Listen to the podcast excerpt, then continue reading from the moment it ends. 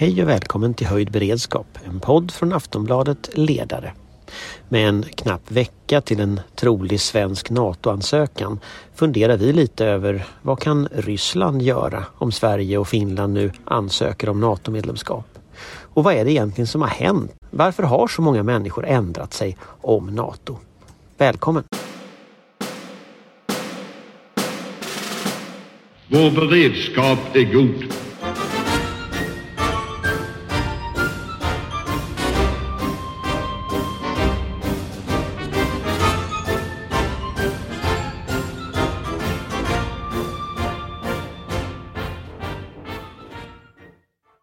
Ja, då var vi i vår studio här och med mig i studion så har vi Johan som har varit borta ett par veckor. Viktorin, VD för Intil Group. Och så har vi Amanda och du är ute och far. Ja, Valstad, Svensk Tidskrift, eh, sänder idag från ett hotellrum i Haag. Så vi hoppas att eh, länken ska hålla sig någorlunda fungerande. Du är där och inspekterar Putins cell som han ska ha, eller? Precis, kollar säkerhetsorganisationen och sådär. Det ser bra ut. Vi, vi, det finns gott om plats för honom och hans eh, hejdukar. Det låter bra. Och Patrik har rymt, eh, så han, han återvänder väl nästa vecka skulle jag tro. Eh, det, har ju, det är ju en väldigt, väldigt intensiv tid. Jag tänkte vi kan börja ändå med läget i Ukraina, för det är väl där vi, vi det är väl utgångspunkten. Så att vi lämnar över till Johan. Ja, där pågår det offensiver åt olika håll kan man säga. det är ju så att Ukrainska styrkor, ganska små styrkor faktiskt får man säga, har tryckt tillbaks Ryssland mot gränsen nord och öster om Charkiv. Eh, vilket ju är väldigt spännande eftersom det då eh, på sikt, eh, det finns en ort som heter Kupjansk eh, som ligger öster om eh, Charkiv där det är väldigt mycket järnväg och väg som går samman. Eh, och tittar man på den så är det den hu huvudunderhållsvägen som går ner mot de ryska styrkor som finns sydost om Charkiv. Och det här ställer ryssarna i ett läge där man måste välja om man ska fortsätta offensiven med full kraft i Donbass där man tar ett par kilometer om dagen ungefär.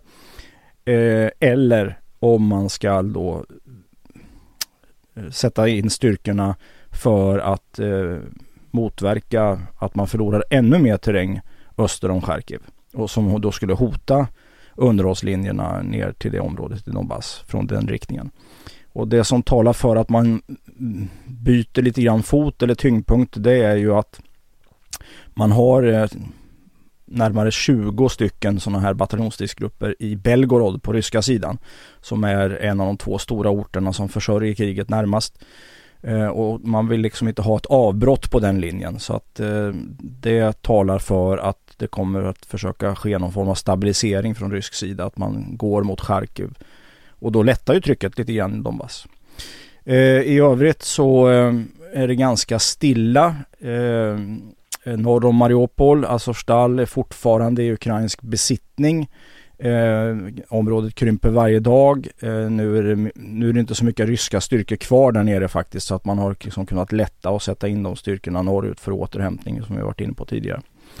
Eh, det enda området som man egentligen fortfarande håller är ju ordentligt är ju Chersonområdet och då är man ju på norra sidan av Dnepr och där har man ju möjligheter så småningom att korta av den linjen och ta stöd av den floden men då får man ju också ge upp planerna på att utropa någon form av Chersonsk eh, republik eller försöka sig på att införliva den delen av, av eh, Ukraina i Ryssland. Um, det är lätt Ukraina kommer kunna skruva upp sina krigsmål. Eh, samtidigt är det ju lite, det tar ju mer resurser att anfalla. Eh, och det har vi varit inne på tidigare med faktorer och sådana här saker. Det blir lite skillnad. Men man får inte glömma bort att eh, Ryssland har ju tagit en hel del territorium i Ukraina. Det kommer ju ta ett tag att ställa tillbaka den ordningen och det talar ju för att det här kommer pågå en lång stund till även om det finns små indikationer på att eh, det börjar brista lite grann här och där i moralen på den ryska sidan. När man läser rapporteringen från Ukraina och läser vad Ukraina själv målar upp för bild så målar de ju upp en bild av att de har nu inlett en counteroffensive och att de har ganska tydliga begränsade mål men att de tar ganska steg för steg, tar de här målen. Stämmer den bilden eller är det liksom propaganda vi ser? Ja, alltså i området kring Charkiv så stämmer det ju faktiskt. Där har man ju tryckt tillbaks Ryssland. Det är ju väldigt tydligt så. Eh, och i övrigt så håller man ju stången och eh, eventuella ryska små genombrott som görs i Donbassområdet har man ju kunnat stoppa så.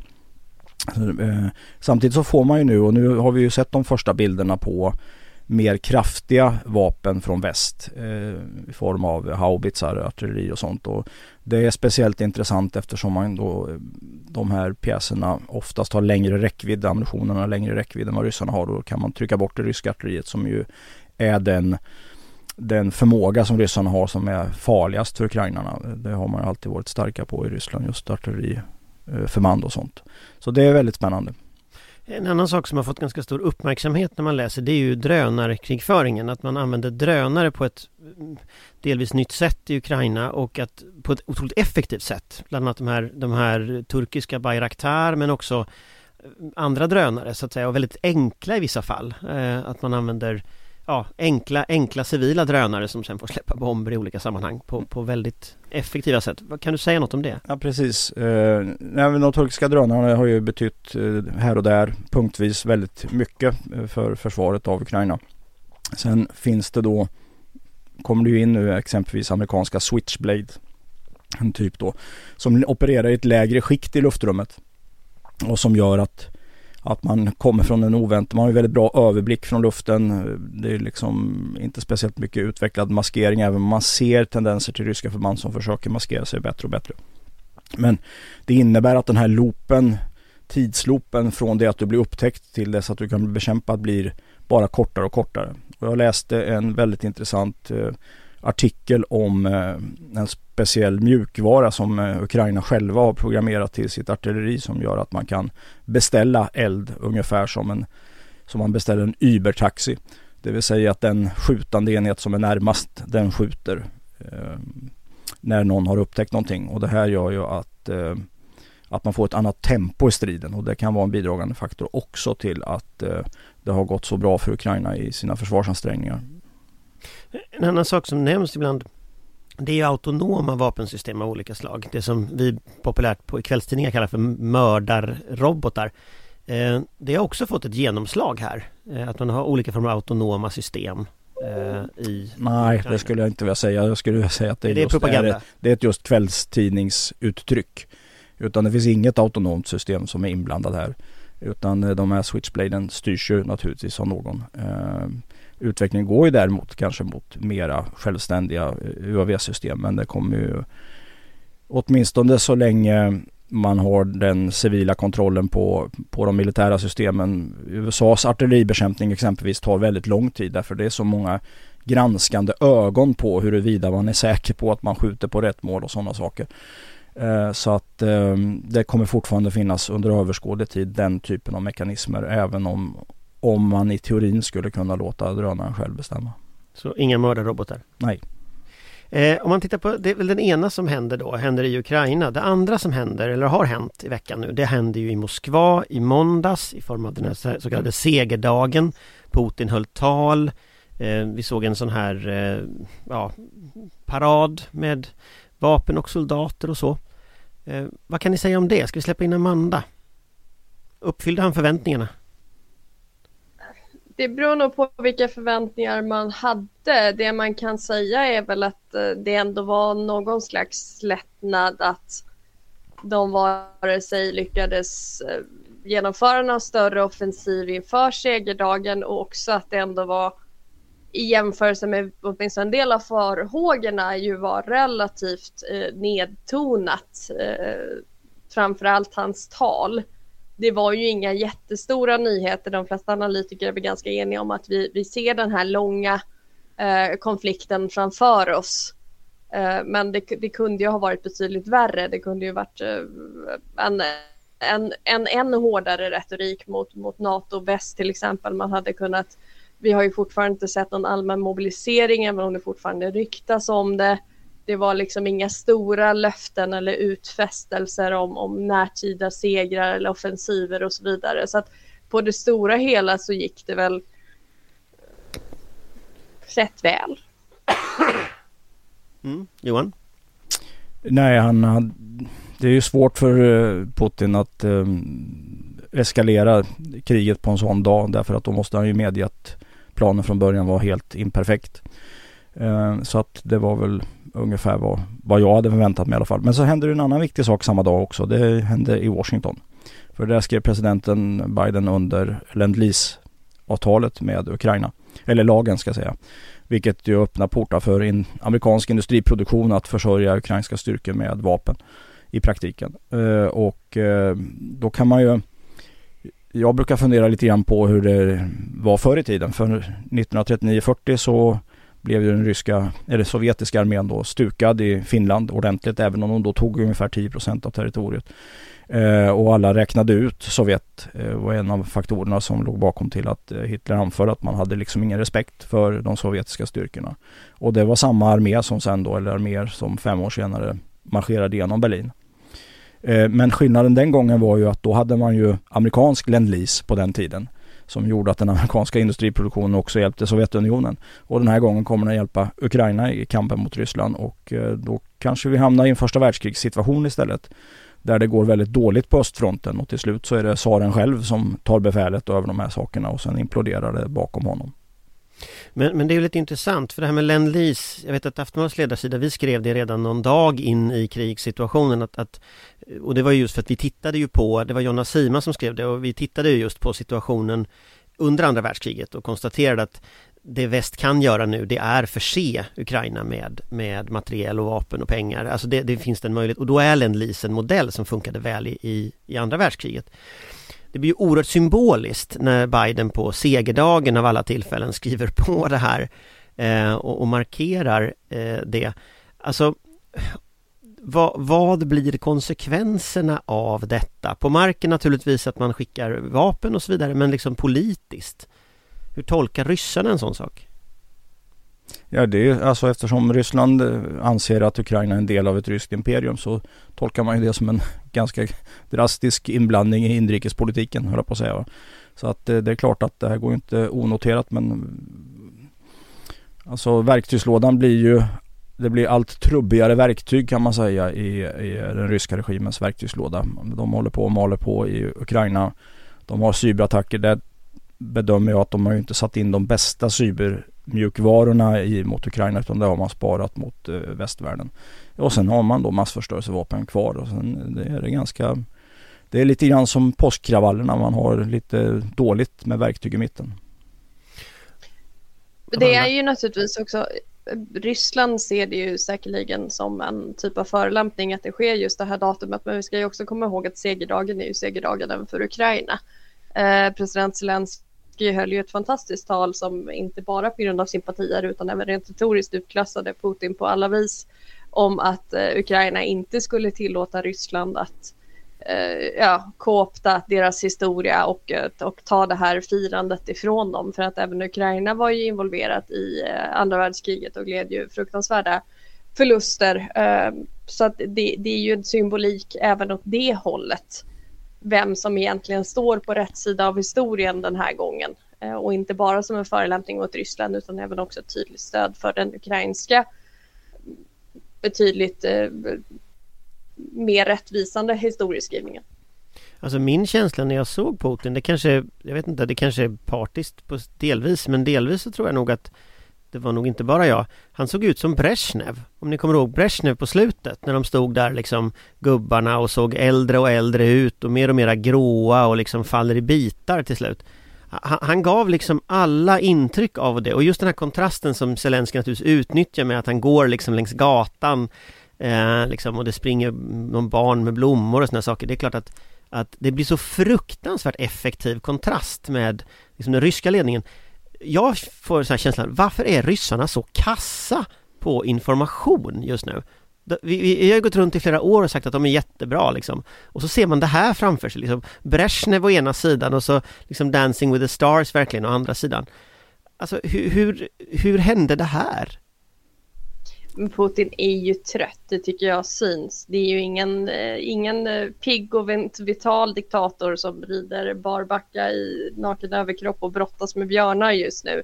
Sen vad det beror på, det, det har ju debatterats på många håll om det är underliggande sjukdom och kommande operationer och vad det nu är, eller om det är att kriget tar sin, tar sin rätt eller att det handlar om eh, tidigare isolering under covid-pandemin och, och eh, ohälsa därifrån. Eh, men det är ju väldigt tydligt att det är en ganska trött rysk regim på många sätt. Eh, men visst är det så. Man undrar ju om de har fastnat i någon form av groupthink kanske, att man helt enkelt inte riktigt förmår översätta det här i någonting som funkar utanför Ryssland. För man har ju fortfarande, den, den ryska opinionen lyckas man ju fortfarande styra rätt väl. Men man förmår ju inte alls nå utanför rikets gränser. Ja, jag vet inte om jag riktigt delar den uppfattningen faktiskt. Eh, jag tror mer att det Till har... väst, förlåt, Ja, ska jag, ja, ska jag säga. Det var är därför jag- många andra platser i världen. Många andra platser i världen lyckas man ju nå fram, men man, man förmår ju inte påverka den västliga propagandan i någon större, större utsträckning. Nej, det, och det, det delar jag helt och hållet. Nej, men det var precis det jag tänkte komma till. Eh, och det ska jag göra strax. Jag tänkte bara säga först att, att, att det här är liksom en inrikesfråga för, för Ryssland. Det är liksom en del av ryska imperiet i deras tänkande. Och då, det finns ju ett klart inslag av en slags untermensch attityd gentemot Ukraina. Man har alltså underskattat dem och man har slarvat med förberedelserna och liknande saker och trott att det här var en walk in the park. I andra riktningar är man ju betydligt skickligare. Man har liksom varit med och underblåst Brexit. Man har försökt att det dela på det amerikanska folket och kommit väldigt långt i de ansträngningarna. Man har ett betydande inflytande militärt i Afrika. Man är väldigt duktiga på Mellanöstern skulle jag vilja hävda eh, och att umgås i, liksom i, i, i den politiska regionen. Så att det är liksom olika framgångar. Mot Europa där har man ju tappat det helt och hållet. Helt klart. Mm, men jag funderar lite på varför det är så. För att, så alltså går vi tillbaka några år så uppfattade jag ändå att det fanns liksom grupper i Sverige som understödde det här. Det fanns liksom i hela Europa, Sverigedemokraterna var ju liksom tydligt i drift och deras utrikes försvarspolitiska talespersoner har ju fått avgå i olika sammanhang för just det här. Eh, så att säga, nu upplever jag ju snarare att ingen vill ta i Putin med tång. Det är snarare så att alla blir anklagade för att vara Putin, vad de än gör, i liksom, i alla fall i Sverige och det är väl lite samma sak i andra Mm. Och det är ju en ganska farlig utveckling så. Man kan ju faktiskt ha en annan uppfattning utan att... Ja, nej men det är, det är ju, det är ju jättekorkad i- grej, men det säger någonting om hur liksom Det blir liksom hur, hur starka Putin är i någon slags liksom, eh, ja, propaganda så. Och det verkar, jag, jag tycker, jag bara så fascinerad över att det kan så snabbt ha gått så ut för. För det är ju inte bara att han ser gammal ut och skruttig liksom. Alla hans PR-konsulter verkar ju ha tagit semester också Alltså om ni kollar på de här tv-showerna som man sänder Det ser ju ut som så här ramblings of a madman när man tittar på de här olika Eh, jag är bara nyfiken på vad, vad 17 har hänt liksom? Har det kortslutit systemet på något sätt eller? Men de, de tv-avsnitten uppfattar jag som, de är ju mot den ryska befolkningen och de har nog sett ut så under en väldigt lång tid. Men nej, men man har tappat bort eh, Europa i det här eh, angreppskriget. Eh, sitt sätt att, eh, att utföra det på, att överhuvudtaget göra till att börja med. Men, men sen också den här eh, brutala övergreppen som sker konstant hela tiden. Eh, och då, då, då är det svårt att, och då är det svårt att säga att man inte kan välja sida.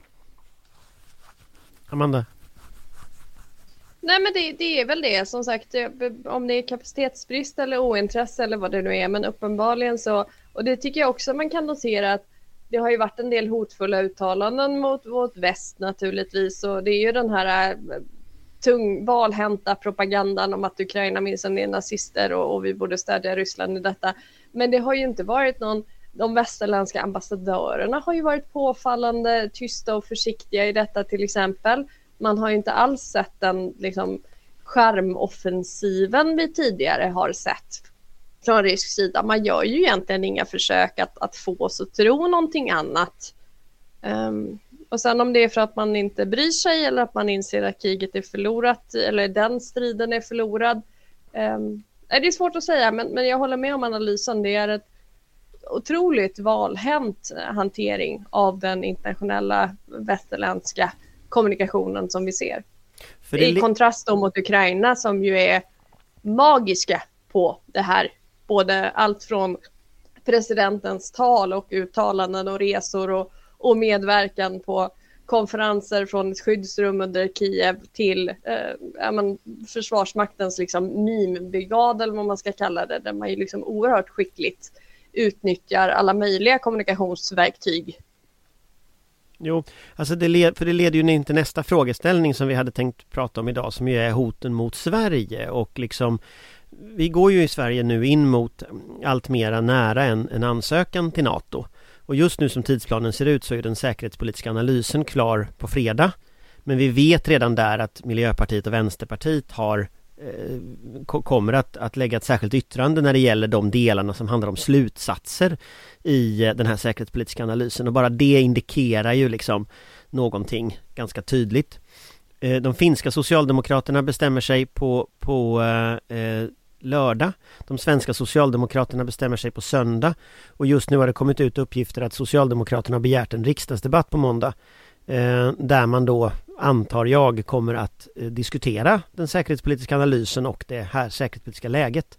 Och sen kommer den finska presidenten på tisdag. Så, att, så att det är klart att vi, vi, går ju in i ett skede nu som kommer bli väldigt intensivt och inför det här så har ju Ryssland hotat väl stup i kvarten med olika saker och, och så vidare. Det, det blir inte sådär jättedramatiskt trovärdigt kombinerat med liksom Putin på segerdagen och Zelensky. Så att, men jag antar att ryssarna måste göra någonting. Eh, de kan inte bara hota. Så Johan, du som är expert på detta, vad kan vi förvänta oss från Ryssland? Ja, det är svårt att säga men eh, jag håller med dig om att eh, någonting kommer ju att eh, utföras. Det finns ju då, som jag var inne på tidigare, cyberangreppsmöjligheter.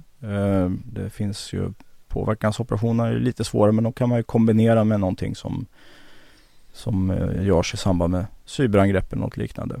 Jag noterar också att Försvarsmakten inte utesluter militärt våld och det får man inte heller. Det är lätt att man fastnar i att det blir en massa... Vad menar man när man säger militärt våld i det här fallet? Ja men det skulle kunna vara att man uh, helt enkelt skjuter mot ett uh, svenskt flygplan eller alltså en stridsflygplan eller en, på kalla krigets tid så rammade man ju exempelvis signalspaningsfartyget som fanns eller försökte ramma Orion Eh, så att det finns en, militära incidenter skulle kunna inträffa, kraftiga flygkränkningar och den typen av aktiviteter. Nu har jag ju gett uttryck för det långt innan det här kriget börjat. Jag är inte sådär jätteimponerad av ryska flygvapnet exempelvis. att, eh, men eh, det ska ju ändå liksom sättas i ett sammanhang och, och, hur man ska besvara den typen av eventuella då potentiella attacker som skulle kunna ske. Så att eh, det finns någonting och då, då, något måste man, för jag tror nog att eh, i Ryssland gör man nog analysen, eller i Moskva gör man nog analysen att Sverige är lite svagare än Finland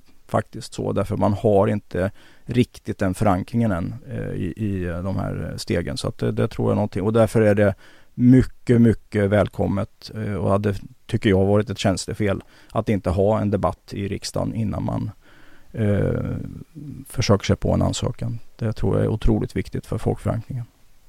Mm, Amanda? Nej men jag delar väl analysen att någonting måste de ju göra. Mest för sakens skull. Jag vet, inte, jag vet inte om de tror att de faktiskt kommer kunna påverka så mycket i ett sånt här snabbt skede och den här ganska kraftiga omsvängningen, inte minst från S. Men någonting måste ju göras. Eh, och det, det är väl eh, ja, Johans analys eh, naturligtvis helt korrekt. Vi har ju även olika cyberkrigs och alltså digitala påverkansförsök har vi ju sett tidigare i den här typen av situationer när Baltikum plockar ner statyer som Ryssland inte uppskattar och sådana saker. Eh, så det är väl förmodligen någonting sånt vi, vi förväntar oss, luftrumskränkningar. Men det är ju ett väldigt snabbt skeende och vi har ju också, är det inte idag Boris Johnson är i stan? På Harpsund är han, åker Harpsunds eka. Okay. Det blir, det blir väl den bilden som blir från den här omsvängningen säkert att det blir Boris Johnson i en Harpsundseka med, med Magdalena ja, det... Andersson. Det är väl den symboliken vi får här. Det är ju väldigt fint. Men vi har ju liksom haft en ganska tydlig reaktion inte minst från Storbritannien och eh, USA att eh, man kommer stå bakom Sverige och Finland under den här processen och så vidare. Så att eh, det, det är ju Ryssland har ju ändå begränsat manöverutrymme även om det är en känslig tid och en känslig process. Men om man tittar på hur sårbara är vi för, alltså för det är två typer av sårbarheter. Dels sårbarheten i sak, alltså att till exempel slå ut betalningssystem eller eh, ge sig på svensk digital infrastruktur och så. Det är ju en sak. Samtidigt så det går ju över gränsen till till eh, saker som är helt oacceptabla. Så att om Sverige skulle säga att Ryssland gör det så blir det en extrem upptrappning. Bort till det som är Johans scenario att de skjuter ner något signalspaningsflygplan eller försöker ge sig på någon, något fartyg eller någonting. Det är ju samma sak där. Det, det skulle ju vara en extrem upptrappning i, i Östersjöområdet om man skulle göra en sån sak. Alltså är det, är det sannolikt? Är det, ligger det liksom i deras doktrin just nu att agera på det sättet? De brukar ju vara ganska oförutsägbara. Så strategiskt sett är de ju förutsägbara för de gör ju alltid det de säger att de ska göra. Men eh, just i operation och taktik där kan de ju vara oförutsägbara faktiskt. Eh, och det, att man är dålig i en riktning behöver inte betyda att man är dålig i en annan riktning så att säga. Eh, enligt min uppfattning i alla fall. Men, och därför vill jag komma till att det är väldigt bra att just Storbritannien är här idag.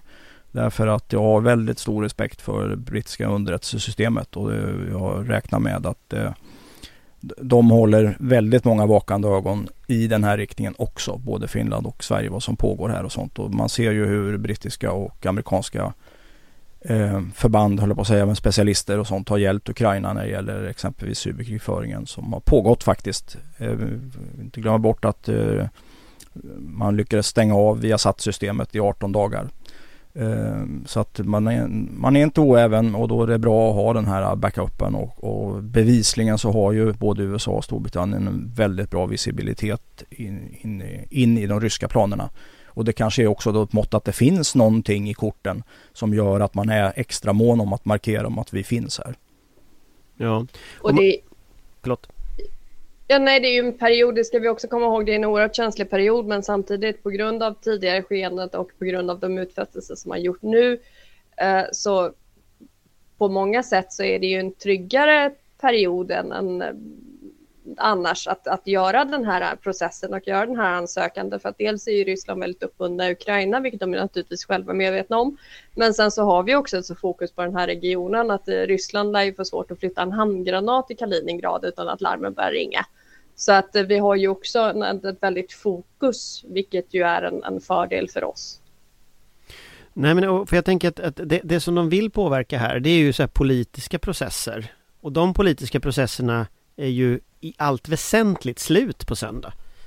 Så att det, det, kommer ju vara ganska svårt och om jag känner det socialdemokratiska partiet rätt, vilket jag tror jag gör, så kommer inte så här ryska hotelser direkt att göra partiet mindre övertygat om den här politiska inriktningen. Det kommer liksom inte ha en effekt. Det kommer möjligen ha en effekt på att man ställer till problem med cybersäkerheten. Men man kommer att få partiorganisationen och partiledningen de kommer inte ändra åsikt på grund av en sån sak. Det kommer liksom inte, det, det, det, så att säga, det finns inte i de korten som de spelar med just nu, ryssarna. Så det de kan göra är markera, så att säga. Det är det de kan, kan åstadkomma. Uh, ja. ja. Det är därför jag blir så här fundersam, vad kan hända? Lite för, ska vi rekommendera folk att ha liksom små sedlar hemma för att betalningssystemet går ner eller vad liksom? Man ska alltid ska man vara alltid förberedd på 72 timmar Anders, det borde Absolut. du veta vid det här laget. En vecka är det nu Ja, en vecka. Det är faktiskt en vecka Johan. För försvarsberedningen, jag påpekar det. Ja. Börja inte panikshoppa konserver nu bara för det blir så Inte stökigt. toalettpapper. Nej, inte toalettpapper heller. Men små sedlar ska man alltid hemma därför att eh, banklösningar strular rätt ofta även om ingen är inne och pillar i dem medvetet. Nej, men jag, tror, jag upplever snarare opinionen precis motsatt. Att eh, hot och utfästelser från Ryssland gör väl bara folk mer envisa. Just nu upplever jag att det snarare påverkar opinionen för NATO därför att man vill inte att Ryssland ska komma hit och och diktera vår utrikespolitik och man ser ju vad som har skett i Ukraina och liksom vad, vad realiteten av, av kriget och Rysslands krigsföring faktiskt innebär. Eh, sen så ska man ju alltid vara förberedd men, och, och, vi ska ju ta höjd för allt men vi ska ju också komma ihåg att vi har ju myndigheter som är otroligt kompetenta på just det här och som har varit fokuserade på detta väldigt länge. Så mm. någon större oro tror jag inte att man behöver känna. Det har varit Johan. en perfekt brygga för att jag tänkte, jag satt och viftade till Anders här att MSB för några veckor sedan lämnade in ett äskande på 800 miljoner och nu för, för i år i förstärkning och nu lämnar man in ett äskande för 6 miljarder nästa år. Så att det är uppenbart att det finns någonting som man eh, försöker ta höjd. Man har inte räknat bort Ryssland för att de för tillfället har kört fast i Ukraina. Det, den saken är ju klar. Det är ju helt riktigt. Om man tänker lite, jag tänkte att lite bara kort eh, en, en, en annan del som står på min lilla så dagordning som jag tänkte vi ska prata om lite nu. Det är den politiska processen framöver. Vad händer nu?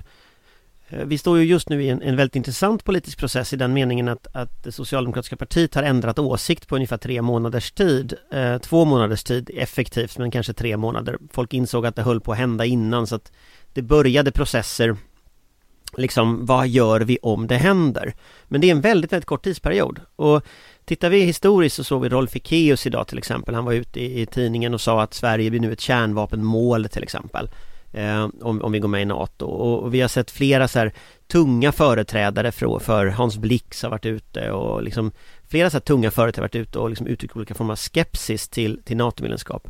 Samtidigt så har vi ju sett det här Alltså de tunga socialdemokratiska utrikespolitiska företrädare, de som faktiskt spelar roll i den här diskussionen, Jan Eliasson, Margot Wallström, alla har svängt på väldigt kort tid med åsikter som man har hållit under väldigt många års tid. Och så ser vi ju i hela det svenska samhället. Aftonbladet publicerade en opinionsmätning igår eh, där över 60% ville gå med i NATO. Och det är ju siffror som aldrig har funnits innan. I Finland så är det mycket högre förvisso men, men, men det här är ju siffror som aldrig har funnits. Jag tänkte bara reflektera lite över det. Om vi kunde reflektera lite över vad, vad är det som egentligen händer? Förutom det uppenbara att liksom Ryssland ritar om kartan, det finns de här objektiva argumenten. Eh, att liksom säkerhetspolitiken har förändrats. Men för människor, hur, hur har liksom omprövningen egentligen gått till? Vad är liksom era reflektioner? Ska vi börja med Amanda? Som inte har omprövat. som inte har omprövat, nej. Det är väl en av de frågor jag har, har hållit i eh, längst. Så det är en väldigt speciell känsla nu för det har ju alltid varit en sån här omöjlig, eh, någonting man bara har varit för, för att och, och insett att det aldrig riktigt kommer ske och nu plötsligt är vi där. Det är mycket speciellt. Eh, nej men det är väl ett tämligen brutalt uppvaknande till en verklighet som man pratar mycket om att världen har förändrats och det, det har den ju egentligen inte. Det, det, här har ju alltid varit en möjlighet och, och Rysslands aggression har ju inte varit en hemlighet men man har ju valt att bortse från det och det är ju naturligt mänskligt psyke både liksom på individnivå och på, på statsbärande nivå att man vill inte riktigt ta höjd för att det värsta kan ske. Men nu gjorde det det och det blev ett brutalt uppvaknande till att den, den säkerhetspolitiska ordningen eh, vi trodde vi hade inte var den som faktiskt fanns. Och man ser väl också därför att många svenskar eh, har ju varit ganska, levt ganska långt från krigets verklighet. Många har det ju inte och har upplevt det själva naturligtvis. Men, men eh, man har, det har ju inte varit krig i närheten av svenskt territorium på väldigt lång tid. Och man har kanske förträngt lite krigets fasor. Det har varit någonting som sker väldigt långt borta. Eh, och nu har man sett i Ukraina väldigt tydligt vad ett krig faktiskt innebär, inte minst vad rysk krigsföring innebär innebär och hur, hur fruktansvärd den realiteten är och vad, vad kostnaden är, inte bara i byggnader och vapensystem utan i närmast ofattbart mänskligt lidande.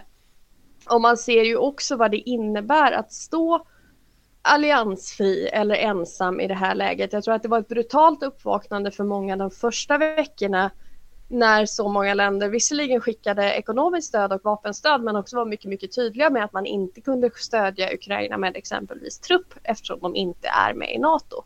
Och det tror jag har funnits en tanke hos väldigt många svenskar att om någonting händer så kommer vi få hjälp. Och nu insåg man att det är inte så självklart.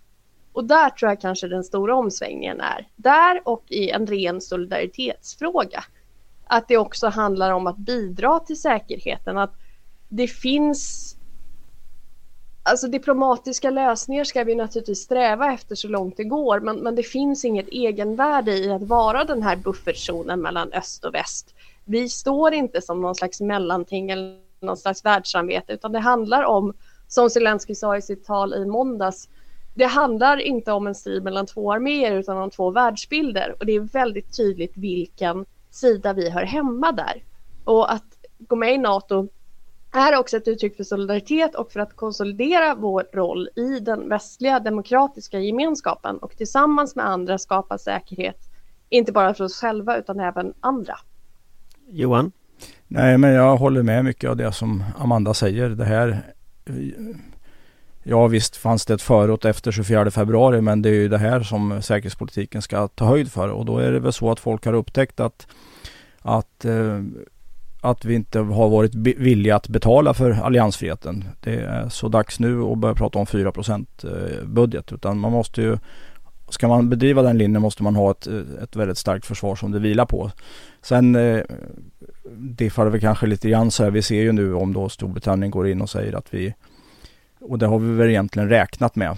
För det är lite skillnad, det är väl enda saken i analysen som jag inte delar med Amanda riktigt därför att eh, vi har ett helt annat militärgeografiskt läge eh, och vi, vi vet om att, att ett angrepp på Sverige skulle ses som ett, ett, en overtyr till ett angrepp på de baltiska staterna.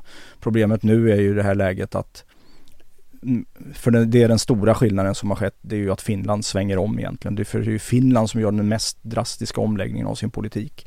Och då måste vi följa med i, i det där. För annars blir Sverige ett objekt.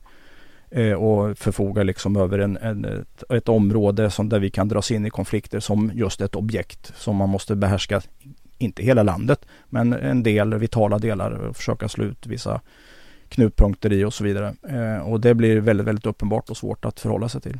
Sen är den andra dimensionen är ju den här då när man ser Keos och de här och eh, kommer med sådana här eh, desinformations, skulle jag säga då, information om att vi skulle vara tvingade att delta i kärnvapenavfall mot eh, Ryssland och sådana saker. Men eh, får man ju backa. Först hade vi ett eget kärnvapenprogram som vi höll på att utveckla. Sen eh, gav vi upp det eftersom USA med flera ville ha koll på spridningen av kärnvapen och ville inte ha det här militärt alliansfria landet som man inte fullständigt kontrollerar att de kunde hitta på grejer och svara på ett sovjetiskt angrepp med kärnvapen helt plötsligt, vilket ju skulle kunna vara fullt möjligt. Eh, och det var ju därför vi gav upp det och vi kom in under kärnvapenparaplyet, för det har ju faktiskt funnits eh, på, på det sättet. Det, kärnvapnen är ju ett politiskt vapen och jag har ju sagt många gånger här att eh, även taktiska kärnvapen är strategiska för det, det kommer in en helt annan dimension. Och då kan man ju fråga sig, ja kan de då vara beredda att, att sätta in kärnvapen i Ryssland om läget då automatiskt liksom skulle förändras drastiskt och regimen skulle förlora grepp och sånt. Så jag har väldigt svårt att se det egentligen eh, i, i, den kontexten. Eh, det finns en, en, en eh, fenomenalt eh, ingående intervju, jag tror han heter Heinz, som gjorde av Danilovic en rysk general som berättade om när Brezhnev, apropå Brezhnev och parallellerna. 1972 så hade man en serie kärnvapenövningar i eh, Sovjetunionen. Man hade informerat eh, politbyrån om att vi förlorar 85 procent av industriproduktionen, 85 procent av befolkningen och så vidare och så vidare om vi blir utsatta för det här. Men det blir ännu värre för amerikanarna om vi skulle sätta in våra kärnvapen först och så vidare. Så hade man övningar och så skulle man skjuta tre stycken blinda robotar, riktiga robotar men med ingen stridsladdning i. Och, I de här övningarna och då hade man för första gången tagit fram en knapp som Brezhnev skulle trycka på. Och Brezhnev var så otroligt nervös eh, så hans, hela hans liksom kropp och händer skakade när han skulle trycka på den här övningsknappen. Och han frågade tre gånger frågade han marskalken Greshko. Är du säker på att det här bara är en övning? Och det säger någonting om eh, att det är, liksom, det är inte bara en person inblandad i det här utan det finns många mekanismer i det här som har ett, ett säg i det här. Alltså du, du tillhör de som inte har varit argumenterat för NATO innan. Eh, var, var, varför har du liksom kommit till en punkt när du nu egentligen gör det? För om man tittar på Twitter historiskt så, så mm. har, du ju, har du ju inte varit en av de som argumenterat. Nej, jag har ju kallat mig för NATO-skeptiker då. Jag tycker ju att man ska behålla så mycket suveränitet som möjligt i, i landet då. Men jag ser ju att vi har ju inte haft den politiska viljan eh, över det politiska fältet att liksom eh, backa upp det. Och nu är vi i det här läget där vi är. Då har vi en väldigt begränsad handlingsfrihet. Det går inte att gå i EU. Det går inte att höja själv till 4% därför att det har vi inte tid med. Och, då, och sen byter Finland Eh, och det skrev jag 2013 tror jag, för jag satt faktiskt och läste det häromdagen, eh, om en, en bil med olika ventilreglage. Där det stod Finland, försvarsförmåga och vad tusan var den tredje? Um, mm, mm. Ja, jag kommer inte på vad det var för någonting. Men de reglagen de är liksom åt andra hållet just nu. Uh, och då har vi inget så mycket att välja på. Om nu Finland kommer med det här beskedet. Alltså min, min reflektion själv, den handlar ju, den är inte, om Amanda är liksom den idealistiska personen här som ser solidaritet med omvärlden som målsättning så ser ju jag ingen solidaritet med omvärlden som målsättning, undantaget Finland. Eh, utan jag ser ju det som en ganska krass realistisk grundhållning här att Ryssland Jag kan inte se hur vi ska garantera vår säkerhet om Ryssland agerar på det här sättet mot ett annat alliansfritt land. Och det är klart det har legat i korten att de skulle kunna ha gjort det. Men de har inte gjort det. Och vi har klarat oss i 200 år med den politik vi har haft. När de nu gör det, då ritar de jag tror det var Anna-Lena Lorén på Huvudstadsbladet som skrev det att krig är oåterkalleliga. Det är oåterkalleligt det ryssarna har gjort nu. De här morden, de här våldtäktskampanjerna, de här överfallen som de har gjort, det är oåterkalleligt. De har förändrat kartan på ett permanent sätt för vår del. De skulle kunna göra det här mot fler länder. Så för mig är det en väldigt krass liksom. Jag kan inte riktigt se hur alliansfriheten idag räcker som ett skydd längre. Eh, det är det ena argumentet. Och det andra argumentet är just Finland. Eh, så för mig byggde alliansfriheten mycket på att liksom det var Finland och Sverige som tillsammans hade den här positionen. Eh, som tillsammans samarbetade militärt med varandra. När Finland då väljer NATO, helt uppenbart, ja då försvinner vår viktigaste samarbetspartner. Och då faller ju också de samarbeten vi har. Och det är ju bara att jämföra med Norge och Danmark. Vårt samarbete med Norge och Danmark är helt annorlunda därför att deras säkerhet är organiserad via NATO. Så vi skulle bli liksom ensamma kvar i en, en, en ohållbar position eh, där Ryssland just har visat att de agerar eh, Eh, helt eh, liksom o, utan gränser och med ett krig 100 mil från vår gräns. Så för mig är det en ganska realistisk liksom, grundhållning. Jag kan inte se hur riktigt pusselbitarna håller längre för det som de höll tidigare. Och, och det är väl liksom min, min, min argumentation. Den är, den är inte så, den är liksom inte så mycket solidaritet och att vi ska tillhöra väst och sånt. Vi tillhör väst för mig, det är en självklarhet. Men, men jag har tyckt att alliansfriheten har fungerat hittills. Nu gör den inte det.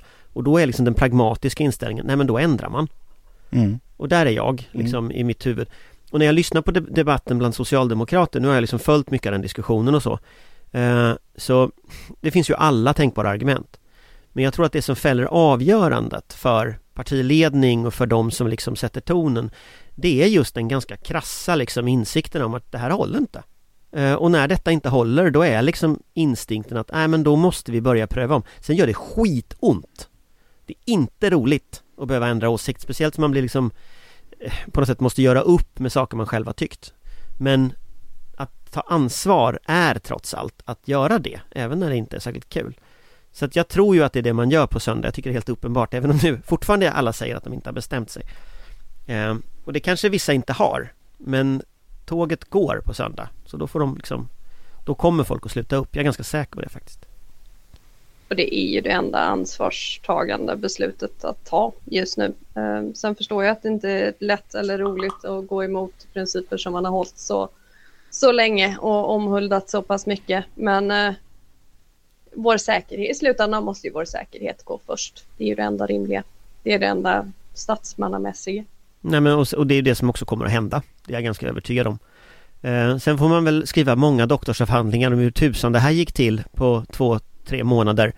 Eh, och hur den här omsättningen gick till. Och det ska bli väldigt roligt att läsa för det är alla de som har liksom på något sätt varit en del i diskussionen under de här månaderna undrar ju nog också vad som hände egentligen. Eh, så det blir ett forskningsuppdrag som någon får reda ut i framtiden. Det var ju välformulerat och annars betydligt bättre men jag kommer ju också från det realistiska hållet så och jag skulle peka ut den enskilt viktigaste faktorn eh, så skulle det ju vara att att jag är inte beredd att ta den risken, alltså de konsekvenserna som det skulle innebära att vara ett objekt utan att då ha ett starkt försvar som skulle backa upp det och det, det kan inte jag det kan inte jag ta det ansvaret. Ja, idag är det onsdag.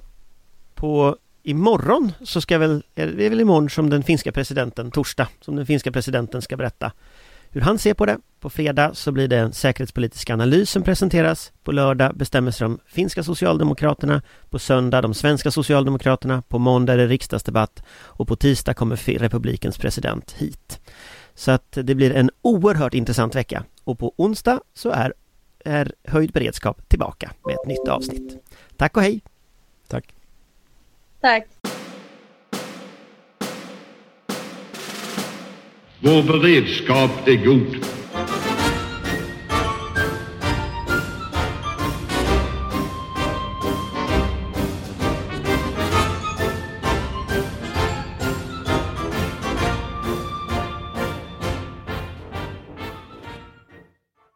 Du har lyssnat på en podcast från Aftonbladet. Ansvarig utgivare är Lena K Samuelsson.